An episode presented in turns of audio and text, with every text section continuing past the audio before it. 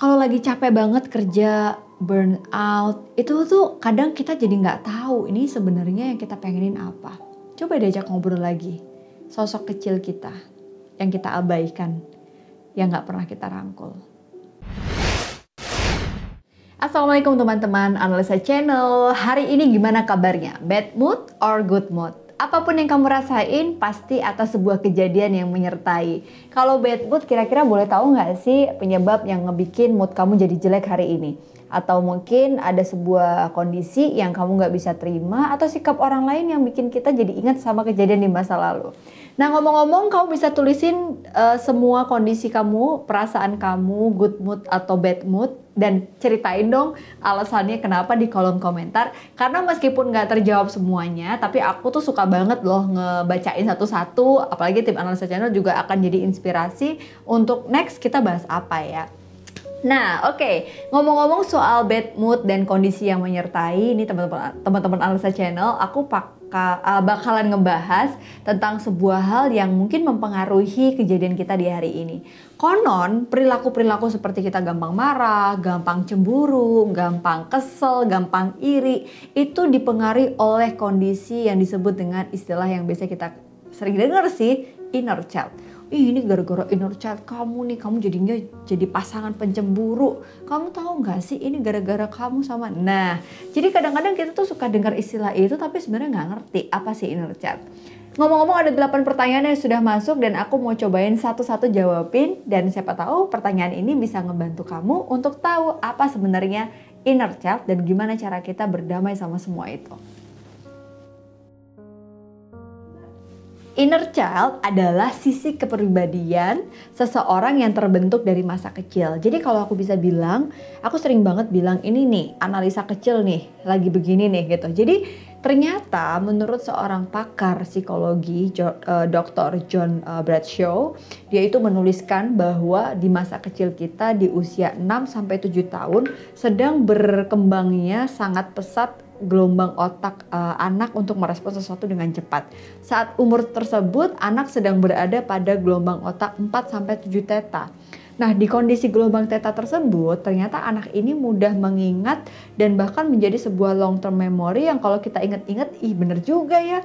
Kayaknya memorable moment itu terjadi di usia tersebut. Aku jadi kayak ingat-ingat nih, anakku umur 6-7 tahun bahaya juga ya. Apa yang sedang terjadi pada kondisi anak tersebut, kadang-kadang akan mempengaruhi di masa dewasa kelak, dia akan jadi ingat oh ini kebutuhan si analisa kecil yang memang belum terpenuhi sehingga membuat perilaku tertentu dan itu belum tentu hal yang negatif semua ya bisa juga adalah inner itu kejadian yang menyenangkan dan juga positif.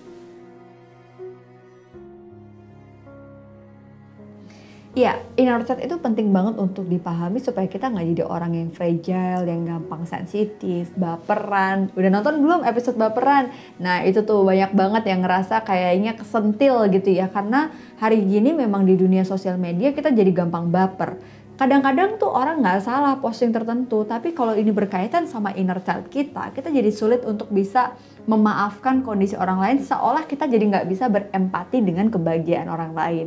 Maka dari itu teman-teman kalau kita mau genuinely happy benar-benar bahagia yang nyata belajarlah untuk menerima mengenali dan mengolah inner child kamu sehingga kamu menjadi orang yang betul-betul bahagia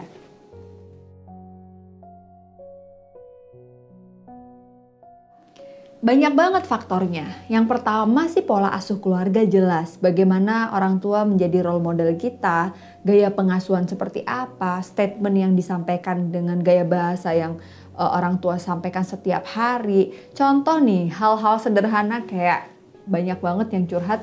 Debat-debat kecil yang membuat aku capek di rumah itu Mbak Analisa. Masalah sekolah deh. Aku pengen sekolah ini orang tua aku pengennya sekolah itu. Aku pengen kerja ini kenapa sih aku sampai dewasa harus terus nurut orang tua? Sampai akhirnya perdebatan itu tanpa disadari ngebikin sebuah trauma yang dia jadi ingat. Di masa umur 6-7 tahun ternyata emang dia selalu diarahkan dengan hal yang harus orang tuanya mau. Nah, bisa jadi nih kita nggak bisa menerima kejadian tertentu hari ini disebabkan oleh pola orang tua. Nah, ternyata nggak cuma itu teman-teman, tapi pola kita ketemu dengan keluarga yang lain, keluarga besar, pertemanan, lingkungan sekolah, Dan ini dipengaruhi oleh orang-orang yang akan muncul dalam kehidupan kita. Jadi terbentuk atas perilaku dan juga interaksi kita dengan banyak orang dalam hidup.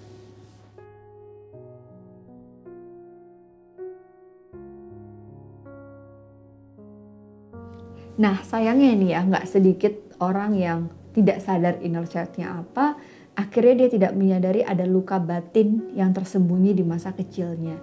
Sampai akhirnya luka batin ini terbawa sampai dewasa dan menjadi sebuah dendam yang tidak tersampaikan, unspoken trauma. Jadi kalau aku pernah bayangkan kondisi pasien-pasien yang pernah datang ke ruangan konseling aku, jadi dia tuh datang awalnya tuh cuma mengeluhkan tentang pasangannya. Ini suami aku tuh begini, begini, begitu, begini Terus begitu aku tanya-tanya lagi, sebenarnya kondisi pasangan yang uh, dia tuntut seperti yang dia inginkan itu adalah refleksi dari kebutuhan dia di masa kecil yang tidak terpenuhi ketika dia berinteraksi dengan orang tuanya. Jadi akhirnya suami ini adalah korban atau mungkin bisa kita katakan sebagai sosok yang menjadi displacement person yang memang kita tuh sebenarnya marahnya sama orang tua tapi kita displacing gitu. Kita displace. Kita meletakkan ke situasi yang serupa dengan orang yang berbeda. Kayak suami ini hanya trigger dari kondisi yang dipicu oleh pengalaman trauma luka lama yang kita sebenarnya belum bisa maafin tapi kita abaikan seumur hidup kita sampai kita dewasa. Nah itu tuh bahayanya kalau kita nggak bisa memaafkan atau menerima atau bahkan tidak bisa menyadari inner child kita apa, kita akan sulit menjalin hubungan dengan banyak orang.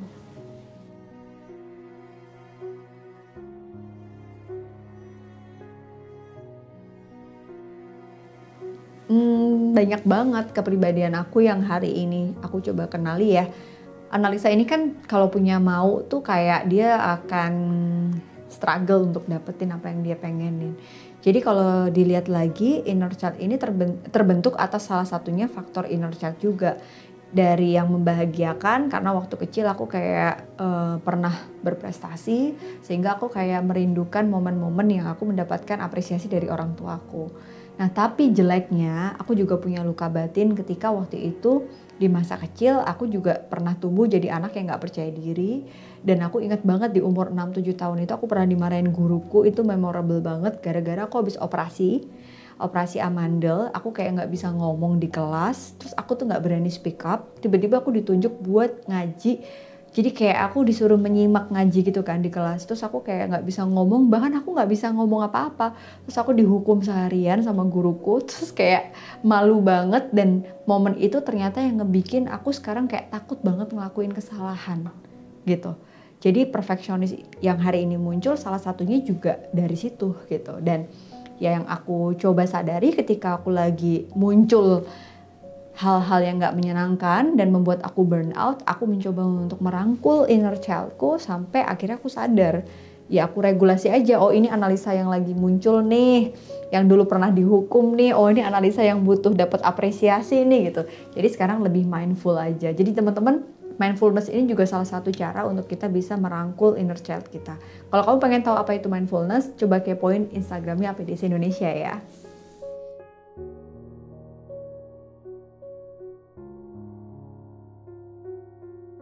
Yang pertama adalah menyadari inner child kamu. Sadari bahwa semua orang punya inner child. Kemudian ada sosok kecil dalam diri kita yang tidak pernah kita ajak ngobrol ini akan jadi sebuah hal yang mungkin kayaknya aduh kayak orang gila ya mbak ngomong sendiri sama diri kita di depan kaca. Ya kalau kamu ngomongnya itu di depan kelas apa di mall gitu baru kayak orang gila gitu ya. Kayak ibaratnya aneh gitu. Tapi kalau kamu ngelakuin di kamar ketika kamu sendiri cobain deh ya. Aku punya satu musik yang akan bisa aku coba puterin habis ini. Coba kita latih bagaimana cara kita menyadari inner child kita. Dan dalam eh, step ini aku juga akan ada teknik uh, Tadi pertanyaannya gimana cara kita menghadapi inner child? Selain kita menyadari, kita juga perlu menjalin komunikasi. Kita ajak ngobrol. Analisa kecil ini maunya apa? Apa yang dia pengenin? Dan ternyata setelah kita menjalin komunikasi itu, kita kayak jadi ngomong sama diri kita loh. Aku mencintai diri aku. Dan di situlah ada munculnya kalimat-kalimat menunjukkan self love kita, self acceptance, di mana kita juga menerima uh, good thing or bad thing yang terjadi di masa lalu dan kita bisa merangkulnya.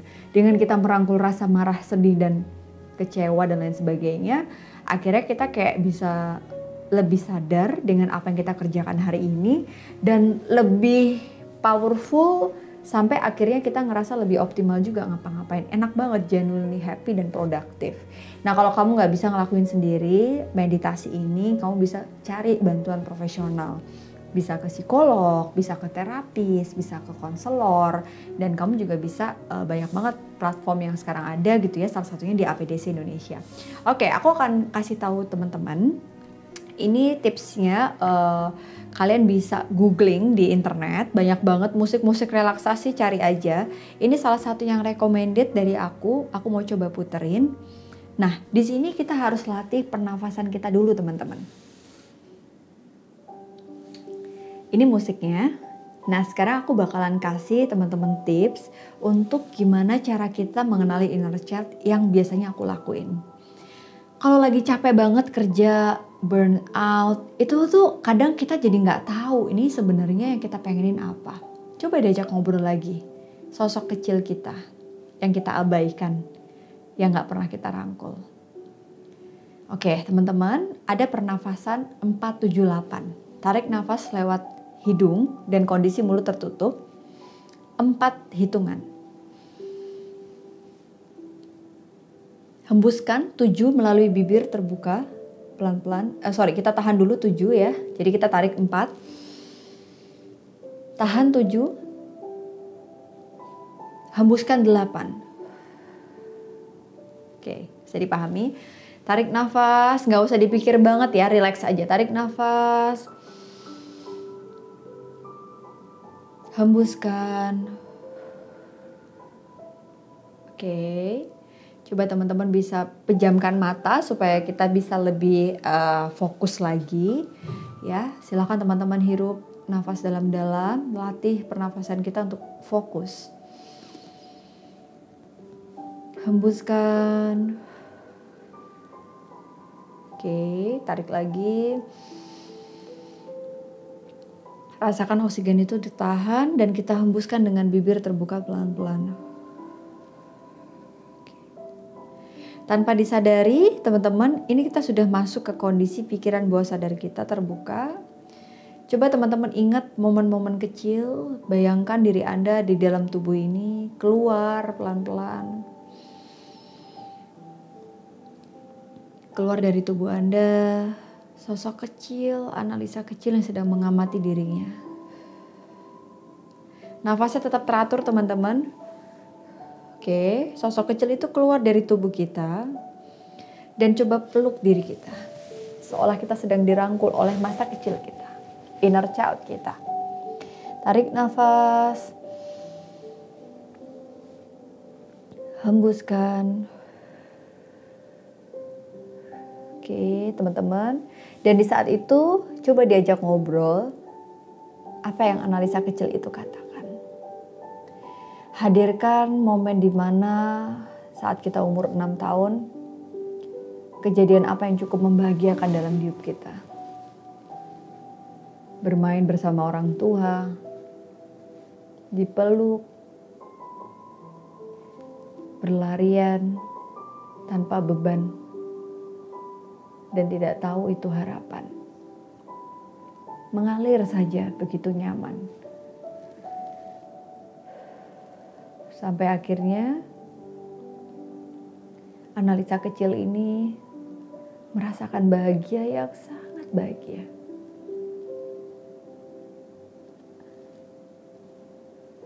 Apa yang muncul momen itu, hadirkan kembali.